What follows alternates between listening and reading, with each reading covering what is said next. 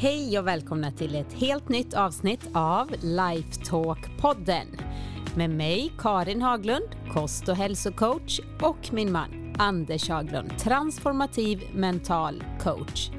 I den här podden får du svara på frågor inom personlig utveckling och mental hälsa. Hur du lever ett bättre liv helt enkelt, inifrån och ut och blir den bästa versionen av dig själv.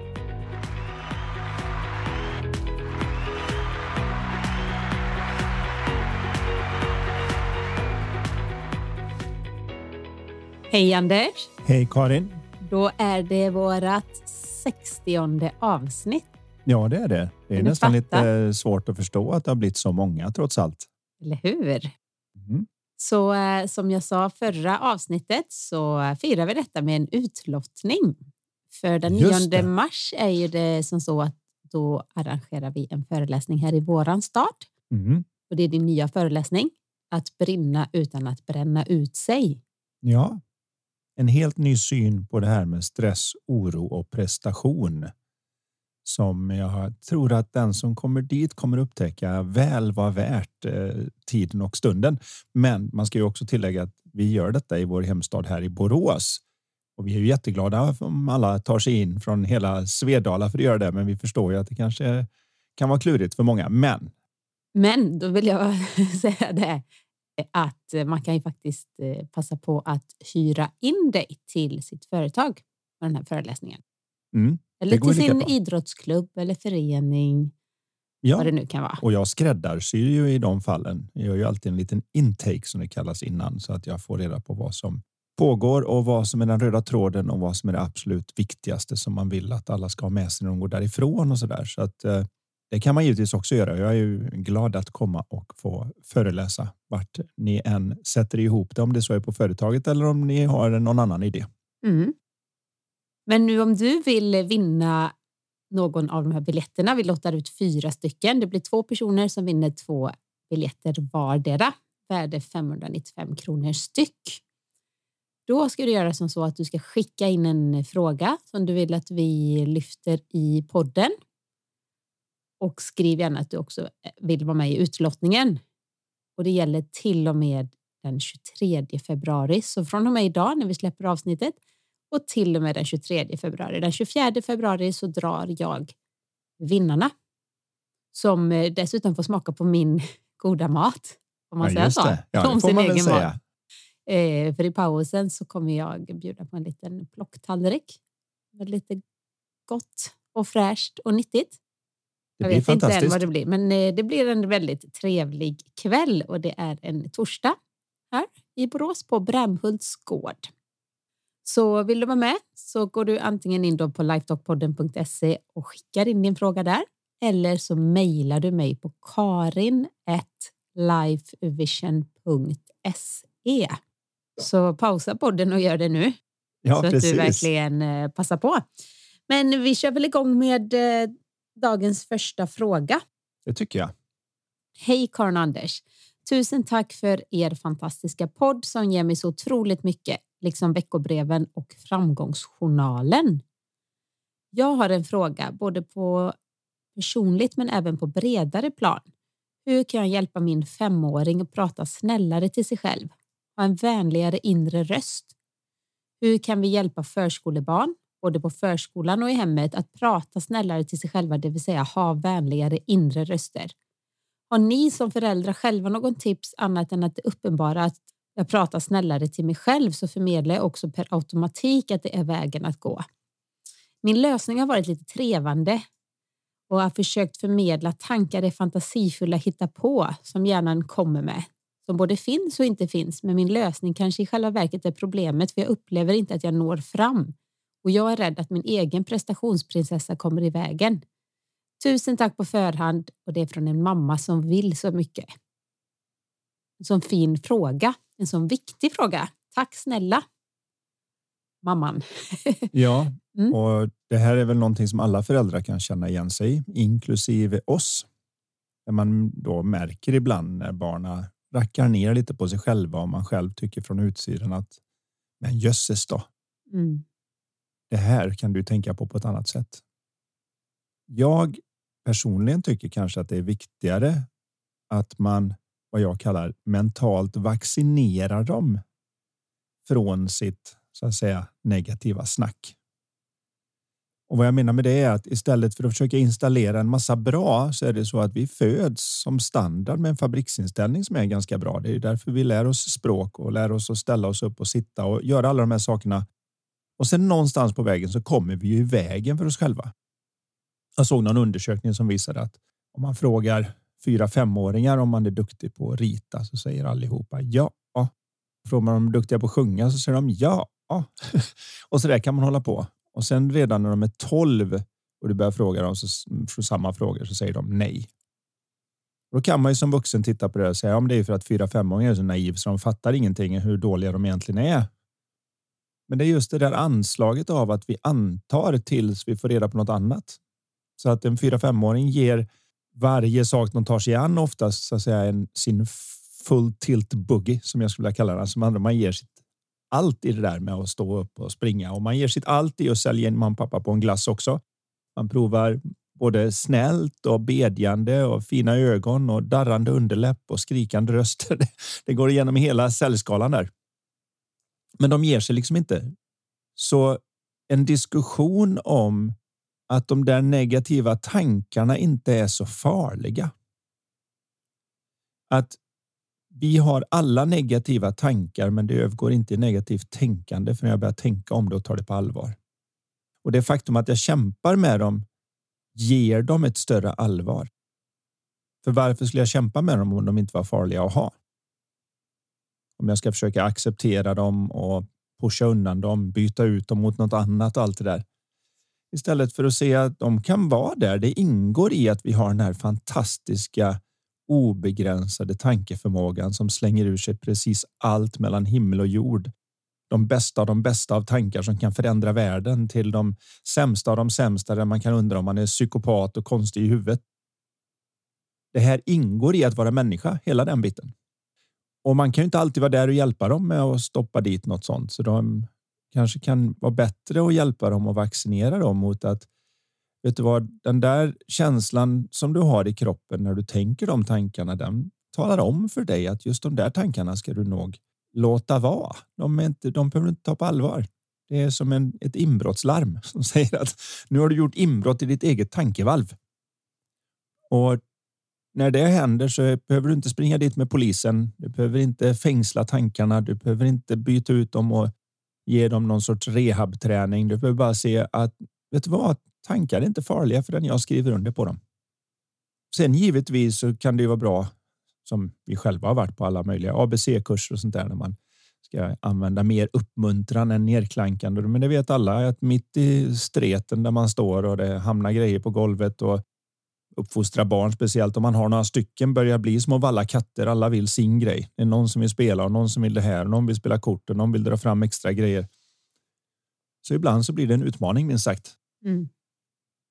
Och därför säger jag då att det är enligt mig i varje fall tror jag att det blir mer effektivt att se om man kan hjälpa dem att bli vaccinerade mot sitt eget crazy så att säga. Att det är något som vi alla har och de kommer ha det när de är 25 och 35 och 45 och 55 och 60. Det är liksom ingen som är immun därför att vi sitter på den här nästan explosiva kärnkraftspowern med att vi har obegränsade möjligheter att tänka alla tankar som går att fundera på nästan. Men när tycker du man ska börja prata med barnen om, om detta? Ja, det där kräver ju lite artisteri och så där, men jag tycker man ska börja så tidigt som möjligt. Jag vet ju i varje fall med barnen när de hade lite strul med det här med att man är mörkrädd till exempel. Nej, jag vågar inte det här. Just nu så håller jag på med lillan om detta. Men de två killarna som är lite äldre, de hjälpte jag ju genom att jag släckte ljuset och så sa jag till dem att de skulle peka på olika saker i, i rummet. Så där vi låg i sängen och sa var är pianot? Peka på pianot. Och så pekar de och så, jag, så tänder jag ljuset så får de inte ändra. Och så håller vi på så en stund. Och då kan man tycka vad hjälper det? Jo, men det visar dem medan vi leker att rummet är likadant oavsett om ljuset är på eller inte. Allting står där det brukar stå. Ingenting flyttar sig. Det där är inga konstiga som ser ut som ett monster i hörnet. Det är bara min egen nalle som har någon konstig skugga och så där. Så man, man leker in det lite grann och det kan man göra från hur tidigt som helst. Men det verkar inte som de riktigt klarar av att förstå det förrän de blir så där 6, 7, 8 någonstans. Då verkar och man de... måste ju inte göra detta på något sätt heller. Jag Nej. tänker det viktigaste är ju att man tar hand om sin egen personliga utveckling och, och skapar liksom förutsättningar för att må bra mentalt. Och då brukar det per automatik, för det, som, som du säger, de kommer ju redan med, de är liksom inte trasiga eller Och inte så dålig- ömtåliga som, som man har vi trott tror. heller. Eller? hur? nej, de, de klarar sig bra. Eh, ibland så kan vi tror jag, överdriva att alla, alla barn har väl stunder och tänker, åh, det var vad dålig jag är eller någonting. Ja, okej. Vilken, vilken vuxen har inte det? Hur upplyst man än är så händer det ibland att man känner så. Och istället då, man behöver inte vara rädd för de tillfällena. Jag tänker på våra barn som ibland säger men jag är rädd för, för det här eller nu är jag rädd. Istället för att vi, "Åh, oj, är du rädd? Hur ska vi liksom ta bort rädslan? Så har vi alltid varit så här, jaha, men vet, det är inte farligt att vara rädd. Det är, bara, det är liksom en Nej. känsla. Och jag var ganska okej med det. Ja. Du är rädd. Men det är jag också ibland. Det är inget farligt. Nej, just det Rädsla, där. rädsla är inte farligt. Nej. För annars kan man till slut bli rädd för att bli rädd och så det, kan man bli Nej, då, väldigt rädd och orolig av sig. ja, då loopar det ju snabbt och dessutom finns det då ingenting jag kan göra för då kan jag inte ens undvika utsidan. För som alltid så bär man ju det här med sig och har man den här rädsloloopen med sig så blir det jobbigt vart jag än är när den väl Mm. dyker upp. Och jag kämpar mot min egen fantasi där. Men just den här att när det handlar om de fysiska signalerna så verkar de flesta vara okej med det där att barnet ramlar och slår sig. Och är det inte allt för lång paus mellan smällen och skriket så vet man att det var ingen farlig smärta. Det gjorde lite ont på smalbenet eller knät eller huvudet eller vad det var nu de dunkade till. Men man vet på något vis att det var ingen större fara. Och har man den kollen så tittar man på dem och säger liksom det är, det är lugnt, upp med det igen. Eller kom hit, kramas vi lite och så springer de iväg och leker. Men det är just att man gör lite grann som McDonalds gingen där. Man gör det inte till någon big deal. Och tack vare det så blir de lugnare med att slå sig. De börjar liksom förstå den där att smärta är inte så farligt. Det är en signal om det. Däremot finns det en farlig smärta, men den är ofta sån tvärtom då att den känns inte mycket först och sen ökar den och då vet man att nu har det hänt någonting på riktigt eller så där. Men den där som gör aj som attan och sen klingar av, den Det är, är lite som att oftast... slå i tån. Det gör ju Ja. vansinnigt ont. Ja, eller Precis. knäskålen. Ja, precis just då. går ju över väldigt fort. Konstigt egentligen. Det brukar inte, om man slår i tån så är det jättehårt. Det är ju liksom inte att man en timme efteråt, du, du känner ju ingenting. Du känner inte tio minuter efteråt. Om man inte som du då har brutit dina tår. Men då får man också den där att man tänker en kort stund att hmm, det gick nog kanske bra, men det känns inte gick riktigt bra. Och så dröjer det någon minut och sen börjar det liksom bara bulta på och då vet man ju att ah, det här var inte hundra. Så efter ett tag så lär man ju sig känna skillnad på de där. Mm. Och det är väldigt användbart. Det är extremt användbart. Däremot har vi inte lärt oss samma sak vad det gäller det mentala då. Så de flesta föräldrar har lärt sig vara ganska lugna med smärta. Det är väl ingen fara. Man ska se ut som en smurf. Och hur många blåmärken har du på benen? När jag var liten hade jag 21 på ett ben en gång. Jaha, jag har bara 13. Eller vad det nu kan vara. För man, det ingår ju att växa och allt det där. Att man sparkar i saker. Man har lite för bråttom och snubblar i trappan. Och alla de här sakerna som vi alla står inför. När vi väl börjar se att det är samma sak med det mentala så blir det lättare. Att vi har samma lite lugna reaktion på att någon är riktigt upprörd, skriker och donar, men det är mera som ja, de slår i tårn. Och då skriker man en stund, fast det är att de slog i sina egna tankar. Och om det här är lite allvarligt så är det lite tvärtom. Då pågår det en stund. Alltså det, det brukar ofta hänga i och då kanske man behöver ta ett litet snack om vad är det som gör att du har fastnat i vinkelvolten. Och metaforen som jag gillar för att använda för det här kan man säga är när jag var liten. Jag vet inte hur många som har gjort det här, ni som lyssnar där ute, men när jag var liten kommer jag ihåg att jag och några kompisar, vi bodde inte så långt ifrån Viskan som flyter genom Borås och så kunde man springa ner och ta varsin pinne och så märkte man pinnen så man skulle känna igen den och så stod man vid någon bro och så kastade man ner den i, i, i vattnet och så sprang man jämt och så hade man tävling vem som kom till nästa bro fortast.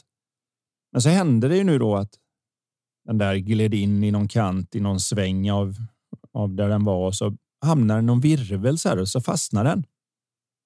Och som barn så förstod man ganska direkt att det var ingen big deal heller, utan vad man behöver göra är att springa dit och så ger den bara en liten knuff.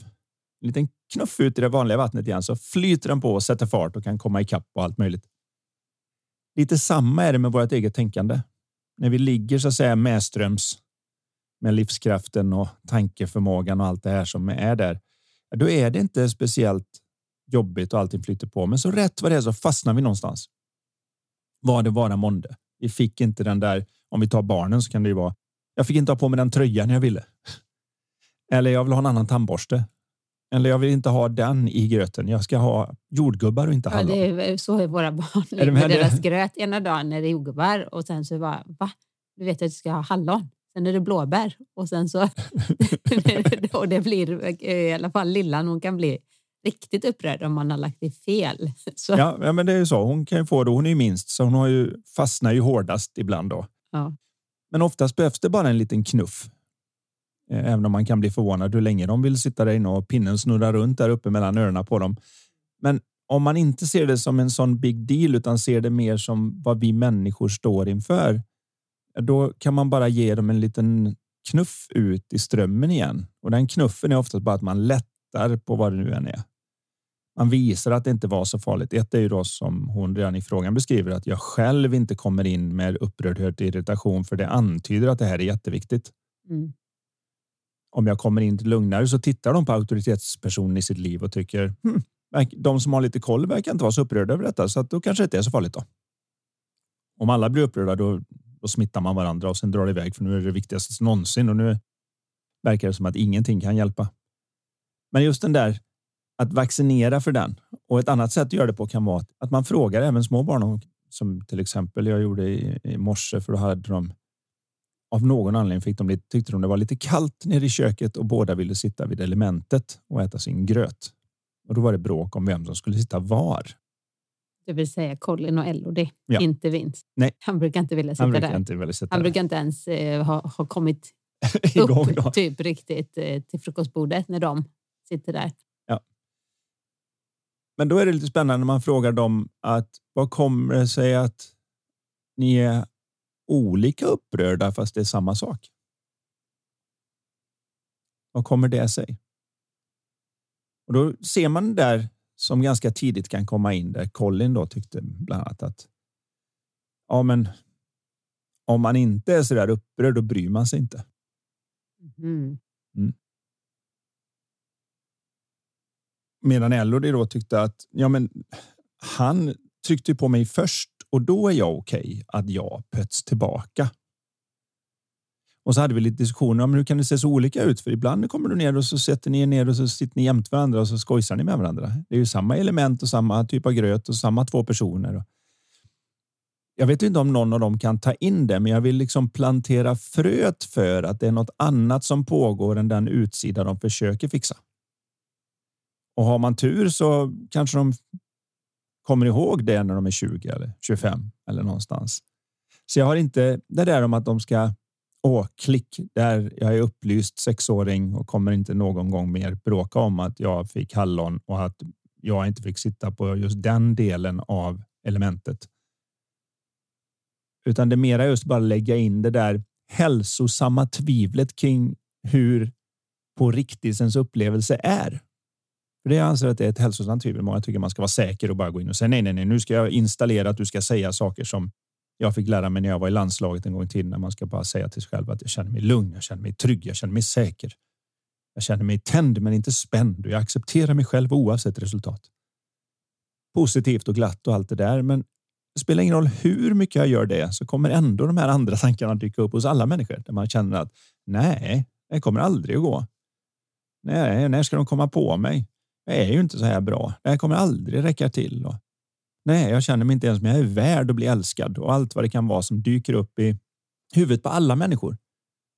Där är det mycket viktigare att se att jag behöver bara ett hälsosamt tvivel till validiteten i dessa tankar. Inte ett ord man kan använda med barn, men nu när jag förmodar att de flesta som lyssnar är lite vuxnare så kan man säga det att man inser att känslan är en diskvalifikation av det som pågår mellan mina öron och att jag inte behöver ta det med samma allvar. Jag ska ta det med en riktigt stor nypa salt.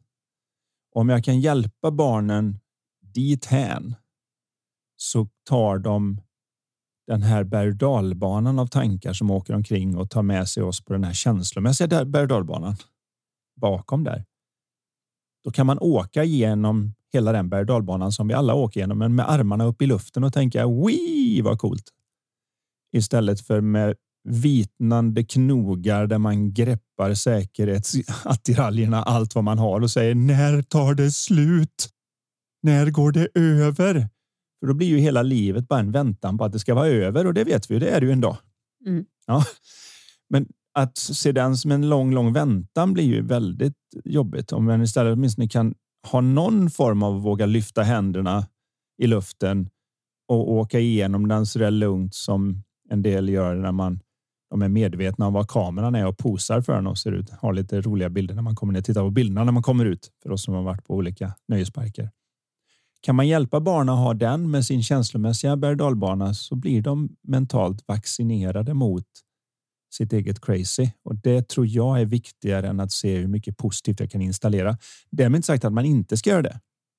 Nej, för det finner ju sig. Alltså, ju mer man är själv i mental klarhet som vi pratar mycket om i den här podden, desto mer, desto lättare blir det ju i vissa situationer att veta exakt. Alltså det kommer så kloka saker ur sin mun eh, som man kan förvåna en själv ibland för att det blir så träffsäkert just till den personen. Just det blir liksom så rätt. Men om jag inte är där själv så spelar det ingen roll om man liksom säger ordagrant någonting bra du har sagt eller så, här, så blir det liksom det faller lite platt. Det är så viktigt att känna in och vara själv. Så jag vet inte hur mycket man egentligen behöver in och liksom hjälpa förskolebarn eller små barn, både hemma eller i förskolan, att prata snällare. Jag vet inte hur om det är ett liksom, stort problem idag att den här mamman kanske har upplevt, uppfattat det på barnet. Och, Vi har ju ingen aning om vad det är som finns bakom Nej. frågan naturligtvis, för det är ju som allt annat. Det är som att se en bild på Instagram eller något liknande. Men som rent allmänt principiellt så är det just det där att det är klart att man fortfarande kan.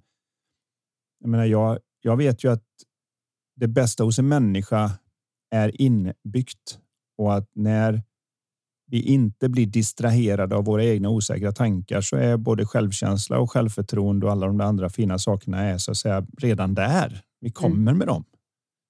Det ser man ju på hur kärleksfulla barnen kan vara när de är lugna och trygga och kryper upp i knät och inte vill annat än att dela med sig och kramas och allt det där.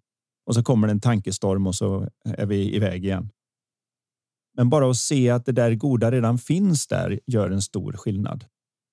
Så man inte tror att man behöver kalla in en exorcist för att det där händer. För det kan du känna som ibland. Var tog min ängel vägen?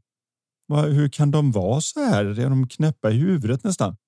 Hur kan de göra en så stor sak av det lilla? Och så glömmer vi helt av i den stunden att ja, det har jag gjort också, fast jag är vuxen. Så det är väl mera just den här. Frångå inte att, att naturligtvis fundera på det som hon nämner själv, att se hur lugn jag kan vara. Och om jag kan föregå med gott exempel för apan ser apan gör. Det vet vi allihopa.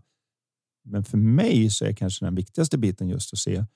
Kan jag förbereda dem i de lugna stunderna?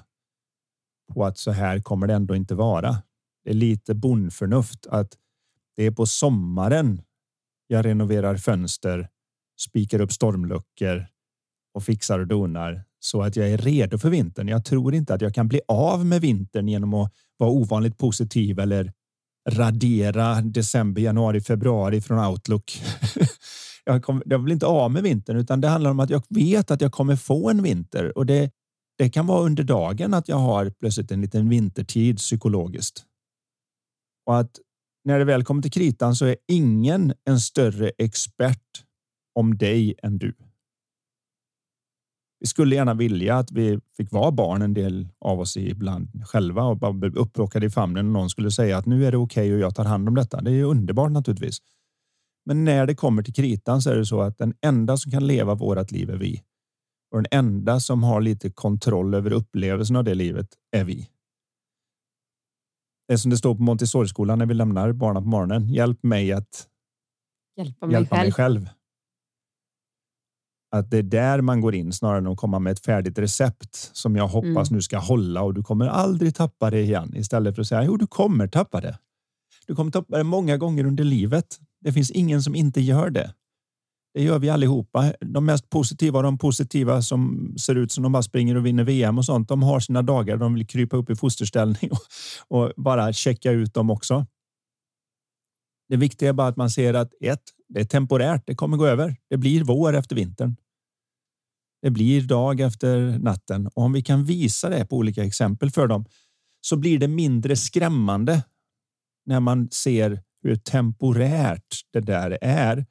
Och kan man då dessutom peka på att tankestormen som då är så temporär varje gång man får en chans, en god natts sömn, en liten, en liten napp, kanske en liten kram, kanske ett, ett humoristiskt ord. Men så fort man ens får möjligheten så är det som att hela systemet återställer sig själv till det bra läget där det plötsligt ser ut som att wow, just det. Och bara det att man vet att det är dit jag återgår varje gång gör mig mindre rädd för att säga då, mitt eget Och lilla ofta crazy. går det fortare när vi inte försöker. Försöker vi kom- komma tillbaka så kan det ibland ta lite längre tid. Och där är ju barnen mycket bättre än vad vi är. För de hänger ju inte i. Ofta förlänger vi ju så att säga våra, våran dal genom att vi då sätter in vårat actionprogram. Och Ja, eller tänker, hur kan jag eller varför blev det så här varför håller jag på så här? Jag och måste analysera Det? detta. Ja, det hel, behöver man inte. en hel lång SWOT-analys på den medan då barn bara lugnar ner sig. Så fort de har lugnat ner sig säger de eh, Kan jag få en smoothie? Ska vi spela kort? Kan vi hitta på något? Och man tänker, vänta nu här nu, för fem minuter sedan så vem var det då som behövde en exorcist? Och så nu är du tillbaka. Nu är det bara för ah, vilken av dem är liksom fabriksinställning? Jo, det är den där som kommer och är trevlig. Mm. Och det spelar ingen roll om den är väldigt korta tillfällen, för en del människor har långa stunder av det där andra, för de går omkring med så mycket osäkra tankar i huvudet som de inte känner igen för att vara med och de blir oroliga över det och så blir de som du sa lite rädda för att bli rädda och så kan man hålla igång den större delen av dygnet. Men även de orkar inte vissa stunder och så glittrar det till i ögonen. Och även om den då kan kännas som den lilla delen av vad jag har så är det fortfarande den som är grundinställningen. Den är så att säga solen bakom molnen. Och det tycker jag är hoppfullt om man ser det och kan man installera det hoppet hos barnen genom att bara diskutera det att det är så här vi funkar Mm. så tror jag man gör mer för dem än om man kommer med receptet. Här är de positiva tankar du ska tänka och här är de negativa du ska sluta med. Verkligen. Jag skulle också vilja passa på att tipsa om... eh, Alltså det finns ju en del bra böcker för barn när man Mm. ändå ligger på kvällen och läser. Vi har läst, gillar att läsa mycket för våra barn. Jag tänker den här Modiga Morris, Det är en vecka upp och ner. Den är ju... Ja, kolla på den. Den är jättehärlig. Sen tänker jag också på mina böcker som är för 3 till 6-åringar ungefär. Broccolisa Också lite av de budskapen. det är faktiskt lite budskap. För jag har försökt väva in, väva in lite mentala budskap och varje bok, det är tre böcker då som man kan köpa i ett bokpaket eller var och en för sig. Men avslutas med ett lite så här visdomsord då från Broccolisa. Och apropå att man själv ska föregå med, alltså som förälder, att man ser till att man själv man mår bra mentalt eller så, så gott man kan och jobba på sig själv så är Broccolisa väldigt så här, men hon är ju glad och snäll och, och, och liksom pratar snällt om andra och till och med de här då sockergänget som inte är så så är det liksom, ja, men de är, hon bjuder dem på sitt kalas. Hon säger ja, men alla är snälla innerst inne och de är nog bara osäkra och så där. Så att den, där kan man lekfullt, jag tänker kan någonting av det gå in? Så det känns jättekonstigt när våra barn är så här, nej men kan vi inte läsa Broccolisa? Jag bara, ah, gud vad konstigt att läsa sina egna böcker. Eh, Men de är faktiskt väldigt bra eh, och söta. Och barnen tycker de är roliga. Och dessutom ska man ju veta det att man ska inte underskatta sin egen förmåga att berätta historier om hur det var på dagen med någon annan. Jag har ju en liten eh, favoritgrej för dem som de ber om varenda kväll, men ibland så är det lite för sent så att man känner att nej, inte ikväll. Men de vill gärna ha en Viggo Varg. Jag har hittat på Viggo Varg och hans kompis Harry Hare som är ute på olika äventyr och så har de en Lisa Varg som är kusin som dyker upp ibland också. Och då försöker jag ju väva in lite grann vad vi eventuellt har stått inför på dagen och ta det som en story liksom om till exempel hur någon Mm. är säger något dumt i fotbollslaget, hur man hanterar det. Om det nu har varit så att det var kanske någon kompis som inte var fullt så hygglig på fritids eller vad det nu är. Så försöker man matcha det lite grann och man behöver inte vara någon sorts nobelpristagare i litteratur för det där, utan barn förstår andemeningen om man om man säger här är en liten historia och så kommer de. Så de, de ser ju igen det ibland. Så jag menar, det kan ju eh, Elodie som är sex år när jag tycker att jag lindar in det riktigt mycket så är det sitter de så ligger de så här. Så det är jag som är Lisa, eller hur? Ja. Gulligt. Ja, så att um, hon fattar den ganska snabbt. Jag brukar säga så att okej, okay, säg ett land. Okej, okay, det tycker de är jätteroligt. Säg ett djur. Mm. Ja, det är nästan alltid Elodie enhörning och så snöleopard eller sådär. och så säg ett, eh, ett namn, ett land och ett djur. Och så säger de olika då. Sen ska, då har jag de här sex olika grejerna som jag ska väva ihop så till en saga. Men jag, jag är ju väldigt så jag tycker det är roligt. Jag hittar ju på nya saker hela tiden. Så sen när Colin då är, som kommer ihåg, han är som dig, han kommer ihåg vad jag har sagt. Jag kommer inte ihåg sagan jag berättade dagen innan. Men sen kan vi inte höra fortsättningen nu? Du, du, va? Nej, eh, säg ett nytt djur. Jag måste börja om liksom. Min hjärna, vi är lite olika. Så du kan fortsätta på din Bicovar i flera år. Det hade vi, jag inte kunnat. Vi svullar ut här lite grann, men jag hoppas ändå att vi har adresserat ja, själva kärnfrågan där i varje fall. Många har fått med sig någonting. Så går vi vidare på en ny fråga. Hej, jag har nyligen flyttat till Stockholm med min partner och mina barn. Vi har som alla andra par upp och ner resor att handskas med. Problemet i vårt giftermål är att jag har träffat en person som jag inte riktigt kan förklara min dragning till. Vi har kopplat ihop med varandra utan att vi riktigt vet hur. Jag känner en kontakt bakom hjärtats känslor till denna person och det besvaras av den andra. Vi klickar omed omedvetet på alla plan och det är fantastiskt. Allt är precis som man önskar i livet och mycket mer med denna tvåbenta manik och jag har aldrig upplevt något liknande. Hur är detta möjligt när jag redan har något? Hur vet jag vad som är rätt eller fel i detta fall? Lämnar jag min nuvarande resa som funkar och är bra ibland? Stannar jag för barnens skull och är evigt tyst? Släpper det andra och lever i vad som redan funnits i år och dagar? Eller ska jag våga ta ett läskigt steg åt ett annat håll? Från en förvirrad och otroget nyfiken i en annan. Oj då. Mm. Det första jag kan säga är då igen är att ingen är bättre expert på dig än du. Och även när man då känner sig så här förvirrad som den här personen gör och gärna vill då att någon sorts transformativ coach ska kliva in och säga att så här gör du. Så är det ju tyvärr inte så enkelt. Vi har precis fått frågan. Det här kan säkert någon annan som lyssnar också känna igen sig. Livet är lite mystiskt och man vet inte riktigt vad som gör vad. Det viktiga här är att känna efter hur man känner när man är i balans. Och då börjar det med att veta när det är i balans då. Det känner man igen, för det är precis som fysisk balans. Alla som lyssnar på det här, om du går eller står eller gör någonting, så kan man bara ställa sig i balans och fundera lite grann. Hur känns det när jag är i balans? Och då upptäcker du ganska snart att balans är där jag är i linje med gravitation så att det känns som minst. Samma är i sinnet. Man kan ju vara väldigt betuttad i någon till exempel när man är förälskad i början och så där.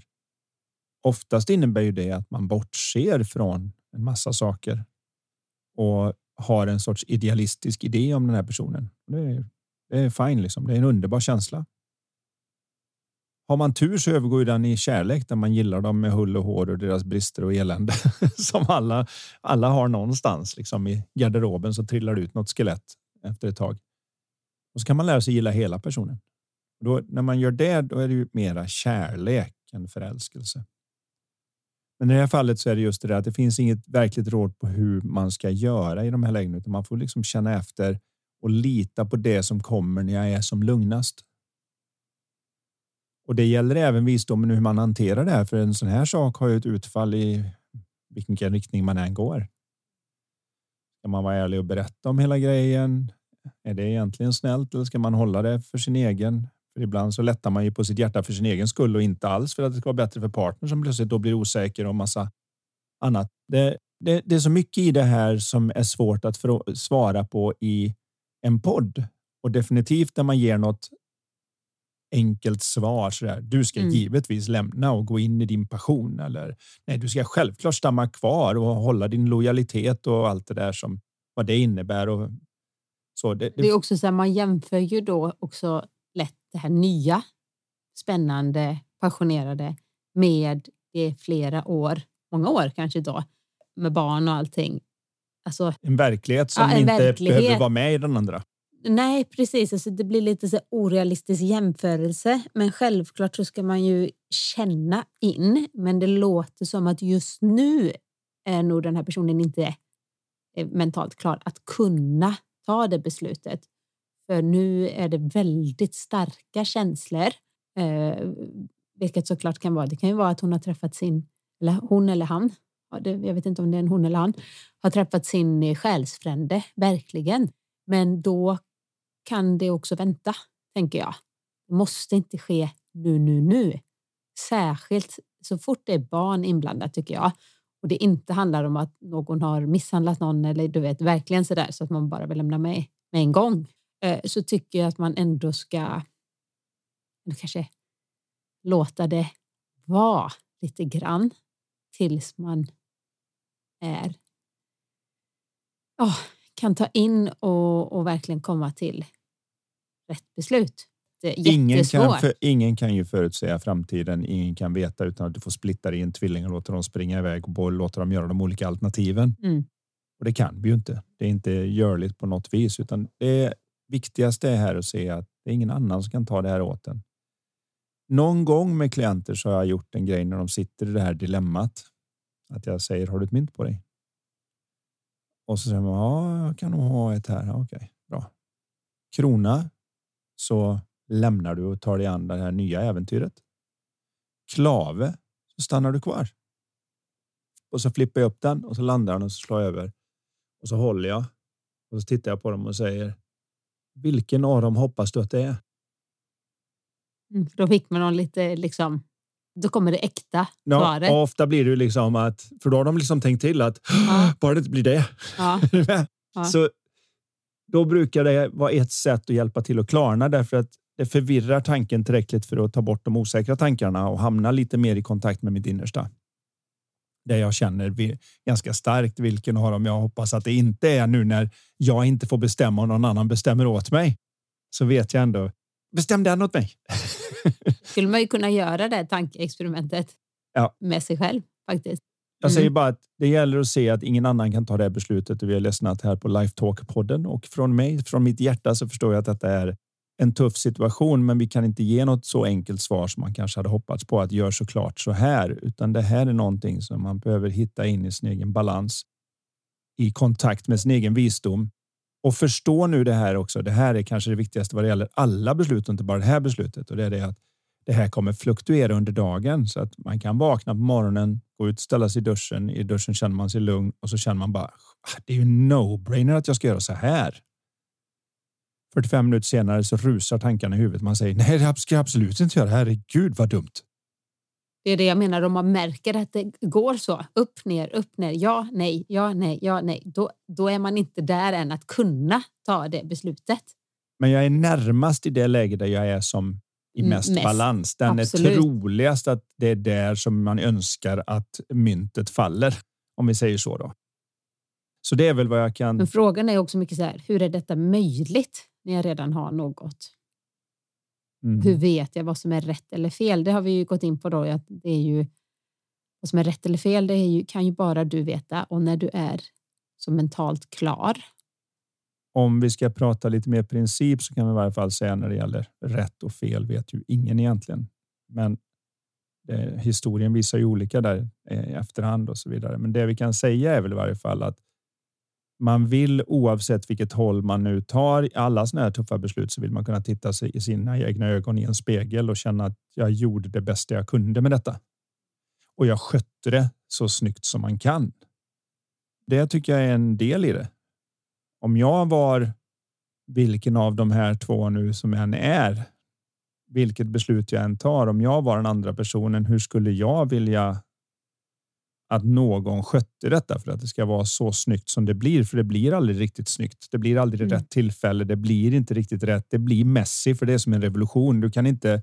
Du kan inte ha gå igenom franska revolutionen eller amerikanska inbördeskriget och allt det här som förändrar demokrati och allt vad som kommer med det. Det är ju jättebra. Brödraskap och frihet och allt vad de drog med i, i franska revolutionen. Men det blir Messi. Det, det, det blir lite krigiskt. Det blir lite så där. Men hur kan jag sköta det så snyggt att jag i efterhand kan säga att vi gjorde i varje fall det vi ansåg var det bästa vi kunde göra med det vi hade.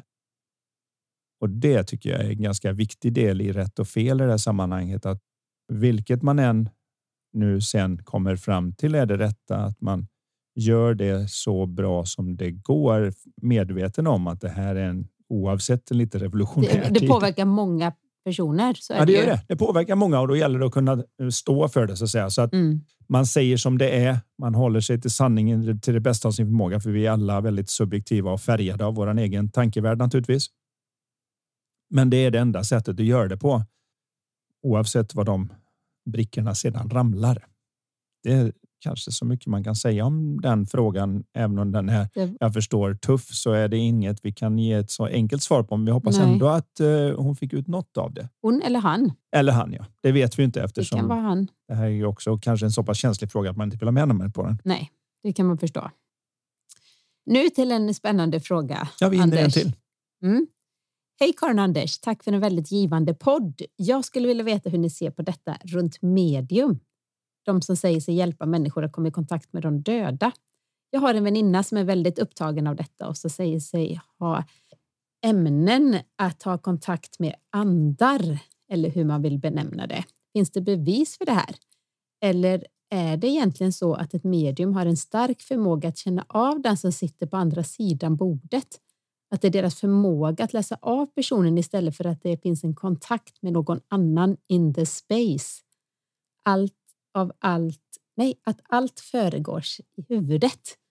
Ser fram emot ert svar. Med vänlig hälsning M. Ja du M. Det, blir mm, det kan bli lite intressant. Där har vi väldigt olika åsikter. Olika jag och åsikter. Men det är väl också härligt? Ja, vi måste jag inte kan tycka börja, lika. Jag kan ju börja med min då.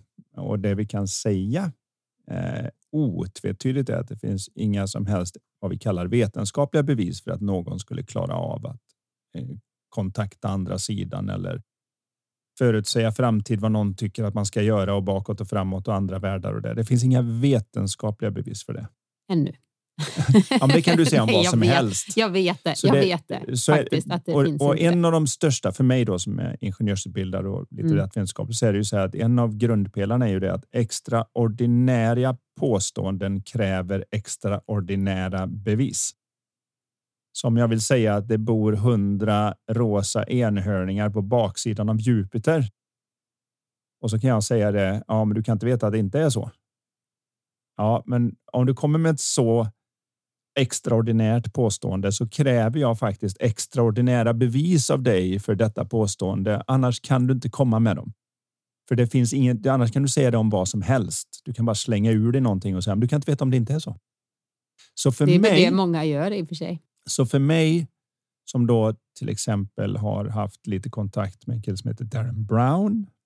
Han gick en del NLP utbildningar samtidigt som mig borta med Dr. Richard Bandler och annat som gör mycket av det här och gillar. Helt... Och, han är ju bättre än något medium ja, någonsin faktiskt. har varit och talar om att nej, det är min extraordinära förmåga att läsa av cues, att förbereda mig länge, att ha ett extremt minne där jag kan komma ihåg hela telefonböcker och allt möjligt och som gör att jag kan göra det här. Och han är ganska noga med att tala om att han har varit överallt i världen och de som då ska vara bäst på sånt här och varenda gång så är han bättre än dem och han visar de tekniker de använder omedvetet eller medvetet för att då läsa av personen för att klara av att säga saker som man kan koppla in i och hur man säger det och så vidare. Jag lutar ju väldigt mycket åt det hållet då att det här är den delen av frågan där den som gör detta inte har en kontakt utanför. Sen ska jag då lägga in min andra vetenskapliga grejer. Det. Självklart är det också så då att en gång i tiden så visste man inte vad gravitation var. Man förstod att om man kastar upp en sten så ramlar den ner. Men innan Newton kunde jag inte räkna på det och sätter jag mig och tittar runt omkring i detta rummet här där vi kör podden så kan jag inte någonstans se gravitation. Nu kan vi mäta den. Vi kan räkna på den, få flygplan att flyga, hus att stå. Vi kan göra massa saker. Kan mycket väl vara så att det pågår någon form av puls, energi, information är ju det man pratar om som vetenskapsman. Det är det som all, aldrig kan förstöras. Det kommer vara information. Det är därför vi kan se ljuset från en annan stjärna och veta exakt vad som finns i den stjärnan för att ljuset talar om vad det är för typ av ljuskälla. Det finns information i ljuset. Det kan ju finnas andra informationskällor som någon har kontakt med och bara för att man inte kan mäta det innebär det inte att det inte är sant. Men vi är tillbaka med enhörningarna. Har jag ett sådant extraordinärt claim att jag har tillgång till en informationsström som ingen annan har och den är så bra så att jag kan tala om för dig att nu snackar jag med din farbror och han talar om för dig något om ditt fågelbo som du byggde ihop med honom när du var liten och man säger det kan ju ingen veta. Ja, det är mycket möjligt, men säger de någonting du har av värde sen som du har användning för? Vad, vad, vad, är, vad är beviset för det? Där men du är i alla lite... fall lite öppen till att det eventuellt kan finnas eller fungera. Men du är, ju, du är ju verkligen vetenskapligt lagd. Alltså du är utbildad ingenjör och du har det här vetenskapliga tänkandet. Och när vi diskuterar saker som så säger jag ibland att men, men tro, nu är inte jag religiös, men de som är religiösa också, det, det är ju inget, det finns ingen vetenskaplig bevis, utan det är just en tro. Och det är mm. någonting man väljer. Och där kan jag känna medium. Jag är inte säker på hur mycket du Nej, väljer. Nej, inte alltid. Man kan ju bli uppfostrad i det och, och liksom indoktrerad i det. Ja. Men, men ändå det här med medium och så där. Jag är ju ofta så här nyfiken. Jag är en väldigt så här nyfiken, men jag också tar till mig och när vi lyssnar på Darren Brown och så här, då kan jag liksom ja, men ta till mig. Oj, jaha, finns det sådana tekniker? Okej, okay. så att jag, är, jag försöker vara inte för naiv, för jag vet med mig att jag är väldigt naiv. Om jag vill tro på någonting så är det som att alltså jag skulle vara väldigt lätt lurad till, till saker. Men någonstans har jag med mig det och jag försöker inte övertyga någon annan att, att det fungerar eller ja, gör. Men jag gillar själv att, att gå till när jag har hört talas om någon som säger gå till det här mediumet så tänker jag gud vad spännande. Och nu sist när jag ringde någon, jag kände att nej men det här var nog inte riktigt att den här personen hade koll på läget. Men jag, jag är helt okej okay med det. Jag är mer så här nyfiken av mig. Och jag har faktiskt fått till mig jättemånga gånger när jag har kommit hem och berättat för dig och du har varit lite mer skeptisk. Och så har jag sagt att även om det inte var att den här personen pratade med min mormor och sa massa saker som hon oh, verkligen inte hade kunnat veta. Hon, kan inte ta reda på de sakerna hon sa. Men även om det verkligen var att hon hittade på allting så har jag fått mig en riktigt bra coaching. För Jag fick ut jättemycket bra eh, som kom inifrån mig av det samtalet. Så det är helt klart värt det ändå. Så att, och jag är helt okej okay med att du, vi tycker lite olika här. Eh, det var därför jag skrattade när jag fick den här frågan. Jag tänkte oj, det här blir spännande att ta upp i, i podden. Hur vi diskuterade lite, men nej, ja, ja, jag vet inte riktigt. Vi kan ju enas om att det finns inte mycket bevis. Och tyvärr var det också så. Äh, inte vi mycket bevis. Det finns faktiskt ett... inga bevis ska vi säga. Det finns inga bevis. Och det måste man vara tydlig med faktiskt. Man kan inte säga att ja, men, nej, det finns inga bevis. Det finns inga. Det var ju faktiskt han men återigen. Hollywood-mediumet. Mm. Det var något tv-program som gick för många år sedan. Ja. Eller jag vet inte. Ja, vi, vi, han vi blev väldigt så bland alla kändisar. Av, eh, snitt så tyckte det var jättefascinerande och jag ju, går ju rakt in med hull och tänker att wow, en sån kille, han, han, han kan det här. Så blev jag lite besviken sen när du berättade att det hade blivit avslöjat att han verkligen hade gjort research gjort på research dem och, och sen låtsats att han inte visste vilka de var och så. Ja. Ofta blir det ju så det av eller uppdagas eh, de här sakerna och som sagt var, bara för att det inte finns några bevis kan man inte säga något om att det inte finns i framtiden, men det kräver fortfarande extraordinära bevis för att man sen ska göra det. För dig krävs det verkligen ett vetenskapligt bevis och sen kommer du vara, om någon visar dig det så kommer du tro på det.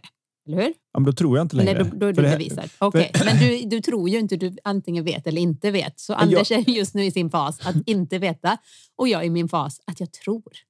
Och jag Ja. behöver, jag har inte så... Jag är ju ex, du nämnde där om att ja, men jag är nyfiken. Ja, men jag är extremt nyfiken. För ibland så när det blir diskussion mellan oss är det som att ja, men jag är nyfiken, men det är inte du. Eller jag är öppen, men det är inte du. Att vara öppen innebär att man är villig att få sin åsikt och sina tankar värderingar ändrade i en diskussion. Det är de flesta inte. Vad de menar med att vara öppen är att den andra personen borde hålla med dem. inte att jag själv är villig att få min åsikt ändrad. För att jag ska ändra på den åsikt jag har så behöver jag någonting som jag kan hålla i. Och där är jag extremt nyfiken, för jag är lite som jag kommer ihåg när jag läste om det, för jag tyckte själv att det verkligen ringde en klocka i mig när jag hörde det när Einstein sa det när han fick frågan om var hans bästa idéer kom ifrån. Och han sa, jag har ingen aning, men det enda jag vet är att de kommer ju inte från mig. Varefter i stort sett alla religiösa hoppade in och sa Einstein medger att Gud finns. För kommer de inte från Einstein själv, de här jättebra idéerna, så kommer de från Gud. Och då ska han tacka Gud att han får alla dessa bra idéer om hur universum fungerar och annat. Så det blev en ganska stor grej. Einsteins svar på det här, och det var ju innan Youtube och annat, så det tar lite tid mellan presskonferenserna och så där. Men Einsteins svar på det här när de frågade honom och sa där, sa han, men ni lyssnade inte, jag är vetenskapsman. Jag sa att jag inte vet var det kommer ifrån. Och jag är tillräckligt bekväm med min egen okunskap för att inte behöva fylla den med tro. Men det innebär att han tittar ut i universum och säger wow, jag har ingen aning. Gud vad coolt. Jag är så nyfiken på att se vad jag kan fylla i där ute. Men jag behöver inte omedelbart när jag säger jag vet inte vad det är. Ja, det är en skäggig gubbe i molnen som eh, kommer straffa dig med helvetet till himlen och så här ligger det till och tror du inte på det så då är du så ute och cyklar. Så vet jag inte ens om jag kan umgås med dig. Utan det är mer den här öppenhet. Vad jag menar äkta öppenhet är Wow, det är så mycket. Jag har ingen aning. Är, det är som Sokrates som sa att det enda jag vet är att jag ingenting vet och han ansågs vara den smartaste personen på jorden vid sin tidpunkt. Att man ser att jag kan en del, men jag kan och så otroligt lite att det är så mycket där ute som jag inte vet, men jag behöver inte fylla det med tro bara för jag inte vet. Det som är är coolare än vad jag än kan hitta på. Och det är Fast det som får det att glittra i mina tro. ögon. Så länge man vet att det är just tro. Men Men, det det är är inte alla som ingen vet som- det. Nej, Men- de allra flesta som säger de har en stark tro har inte en stark tro. De har en stark vet. Man dödar inte andra människor över en stark tro. Nej. Man dödar över att man säger att man vet. Det är därför det blir som det här med Paludan och bränna Koranen och allt vad det är. Alla utnyttjar det för sina politiska saker och det ena och det tredje och det fjärde hållet. Men den viktiga biten här är att man säger det jag tror på är inte att jag tror. Jag vet, jag har bevis för mina enhörningar. Om du inte tror på mina enhörningar så har jag rätt att finns döda ju dig. de som faktiskt tror och är medvetna om att ja, men det, här, det här tror jag och imorgon kanske jag inte tror samma. Ja. Men just nu så tror jag. Och där, där, det måste få vara olika. Vi kan väl säga så här att Ja. det har inte utkämpats några krig mellan ateister och agnostiker. Okej. Eller, Det är men, ingen som eh, går i krig för sin icke-tro. Jag kan tycka att det är väldigt skönt att tro så länge man är medveten eller så länge jag är medveten om att jag vet inte. Men just nu så verkar det rimligt och ja, men jag, jag tror. Jag tror inte på alla medium. Jag tror på vissa. Jag tror det finns någonting de kopplar upp sig på. Ingen aning hur det fungerar och jag behöver inte veta det. Och jag behöver inte säga till alla att så här funkar det och det här funkar. Nej, men för mig så får jag ut någonting positivt av att träffa de här människorna. Där har vi ju en skärningspunkt där vi kan vara överens. Därför att jag anser ju att man kan ta vilken bok som helst. Nu har ju du fått mig att slänga så mycket böcker så jag tror jag vet inte hur många böcker har vi kvar nu. Ja, vi Av alla tusentals det var. Vi, jag vet inte hur mycket vi ställde bort eh, Stadsmissionen eller vad heter det där borta? Erikshjälp. Erikshjälpen. Ja, du tyckte det, den är inte snygg längre bokhyllan för jag fick ju trycka Nej, in alltså, böckerna överallt. bara... Är, ja. Så, men oavsett. Jag vet också att även när det stod något tusental böcker överallt i huset så kunde jag gå fram till vilken som helst av de böckerna. Dra ut en bok, slå upp den på vilken sida som helst och finna svaret på vad jag just nu står inför. Och det visar ju att det största delen i mina svar finns inom mig. Men ibland behöver man någon då, som du sa, det, som knuffar en lite och petar lite på den där pinnen. Och som därför finns det de som går ut och kramar ett träd och får den här kärliga känslan. Och är man duktig på den biten, då spelar det inte så stor roll om det är ett medium eller om det är en psykolog eller om det är en coach eller om det är bara en tv-program. bra någon kompis eller tv-program. En musiksnutt. Om jag inser att om jag tittar inåt så har vi en kollektiv visdom allihopa varifrån jag kan få svar som passar väldigt bra för mig och mitt liv om jag är öppen för det. Där har vi en gemensam skärningspunkt. Mhm. Vad härligt. så vi- det, vore jättekul att höra vad ni tycker. Så om ni vill kommentera när vi lägger ut på sociala medier om podden så kommentera gärna vad, vad ni tycker, vad ni tror och vad ni tyckte om det här avsnittet. Och kom ihåg nu att det är eh, utlottning. Så fram till den 23 februari när ni skickar in en fråga så skriver ni, ni med i utlottningen. Så har ni chansen att, vi, att vinna två biljetter. Så två personer vinner två biljetter vardera. Så man totalt kan ta med sig någon. Biljetter. Man tar med sig någon på föreläsningen. Din helt nya Att brinna utan att bränna ut sig. Den 9 Just. mars. Där jag egentligen ställer frågan, är det möjligt att vara kreativ och produktiv samtidigt som jag har mindre stress och oro? Och den, svaret på den frågan tror jag ni kan gissa er till. Och att det är det vi kommer ta upp, hur man faktiskt kommer dit så att vi inte bara behöver tro på att det är möjligt utan faktiskt kan se att det är möjligt. Mm. Härligt. Som avslutning på det här äh, fina avsnittet så sitter jag här med ett kort från vårt spel som heter Life Talk. Och dagens fråga lyder så här. Det är två frågor egentligen. A. Vad drömmer du om att uppnå? B. Vad är det största hindret för att komma dit? Då skulle man kunna tillägga C. Vad skulle du kunna göra För att ta ett litet för steg. att ta ett steg åt rätt riktning? Men ofta är det faktiskt den viktigaste biten att definiera vad motståndet eller hindret är. För om jag sätter ett mål om att plocka upp pennan här på skrivbordet så plockar jag bara upp pennan. Om jag då skulle säga att när du säger kan du plocka upp pennan och säga det går inte, jag kan inte, jag får inte till det. Men du har försökt i två dagar nu, men ändå inte plockat upp pennan. Nej, det går inte. Då, då skulle du kunna antingen undra är det något konstigt med det eller så skulle den naturliga frågan Jag vara tror att jag skulle undra det faktiskt. Ja, men vad är hindret? Om jag då förklarar för det, men du förstår inte, jag har en kille här, han väger 140 kilo. Han, han sitter där vid pennan och han har sagt att jag får inte tag i pennan. Det finns en linebacker här som tänker stoppa mig från att ta upp den attans pennan. Och varje gång jag försöker så bara han boxar iväg mig för han är mycket större och har tränat på det här. När det gäller våra största drömmar och vad vi faktiskt vill, om vi inte har fått till dem över lång tid så finns det alltid en linebacker mellan öronen. Den består av tankar som inte ser ut som att de inte är på riktigt.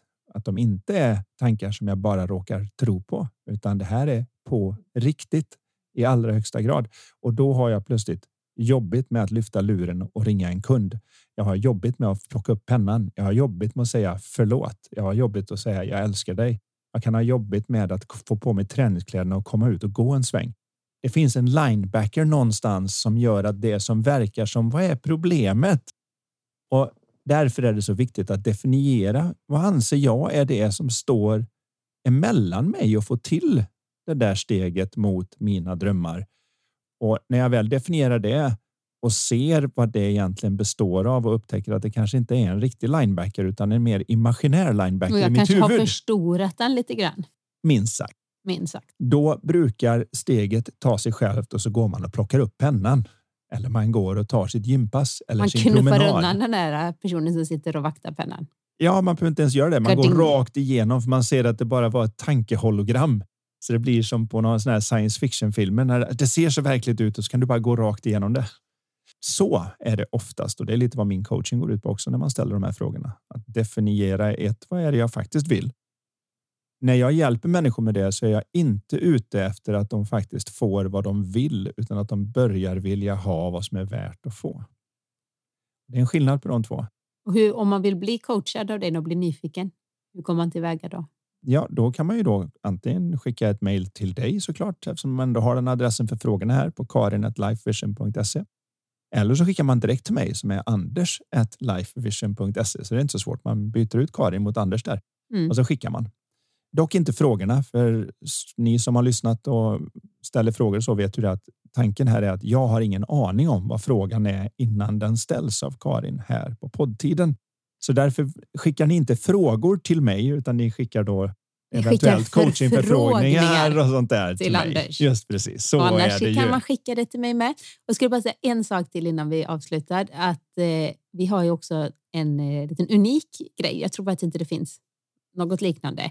Och det hade vi nu förra veckan. VIP coaching. Mm. Det är så roligt när vi får chans att göra det här. Ja, vi sätter oss tre, tre dagar intensivt och verkligen. Med två personer. Skräddarsytt upplägg här i våran stad. Då ingår det mat, boende, coaching, coachning hela, alltså heldagar, en middag med oss på stan och väldigt, denna gången hade vi lite matlagningskurs och träning och så också, också, med mig. Så vi, vi skräddarsydde så man får hela paketet.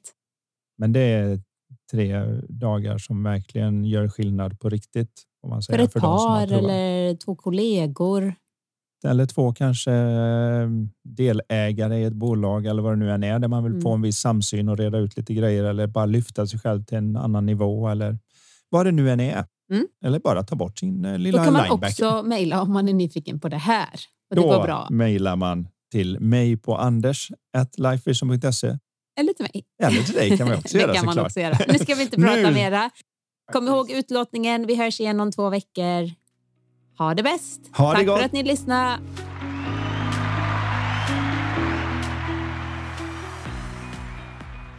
Du har lyssnat på Lifetalk-podden. Vi vore så tacksamma om du vill lämna ett betyg och eller recension i iTunes. Dina frågor de kan du skicka till oss på lifetalkpodden.se. Spelet Lifetalk finns också att beställa där. Vill du komma i kontakt med oss rörande samarbeten, coaching, föreläsningar och event? Då kan du mejla till karin lifevision.se. Tusen tack för att du har lyssnat. Och du, gillar du podden? Dela den gärna vidare och tipsa om den i sociala medier. Låt oss tillsammans göra världen lite mer mentalt välmående.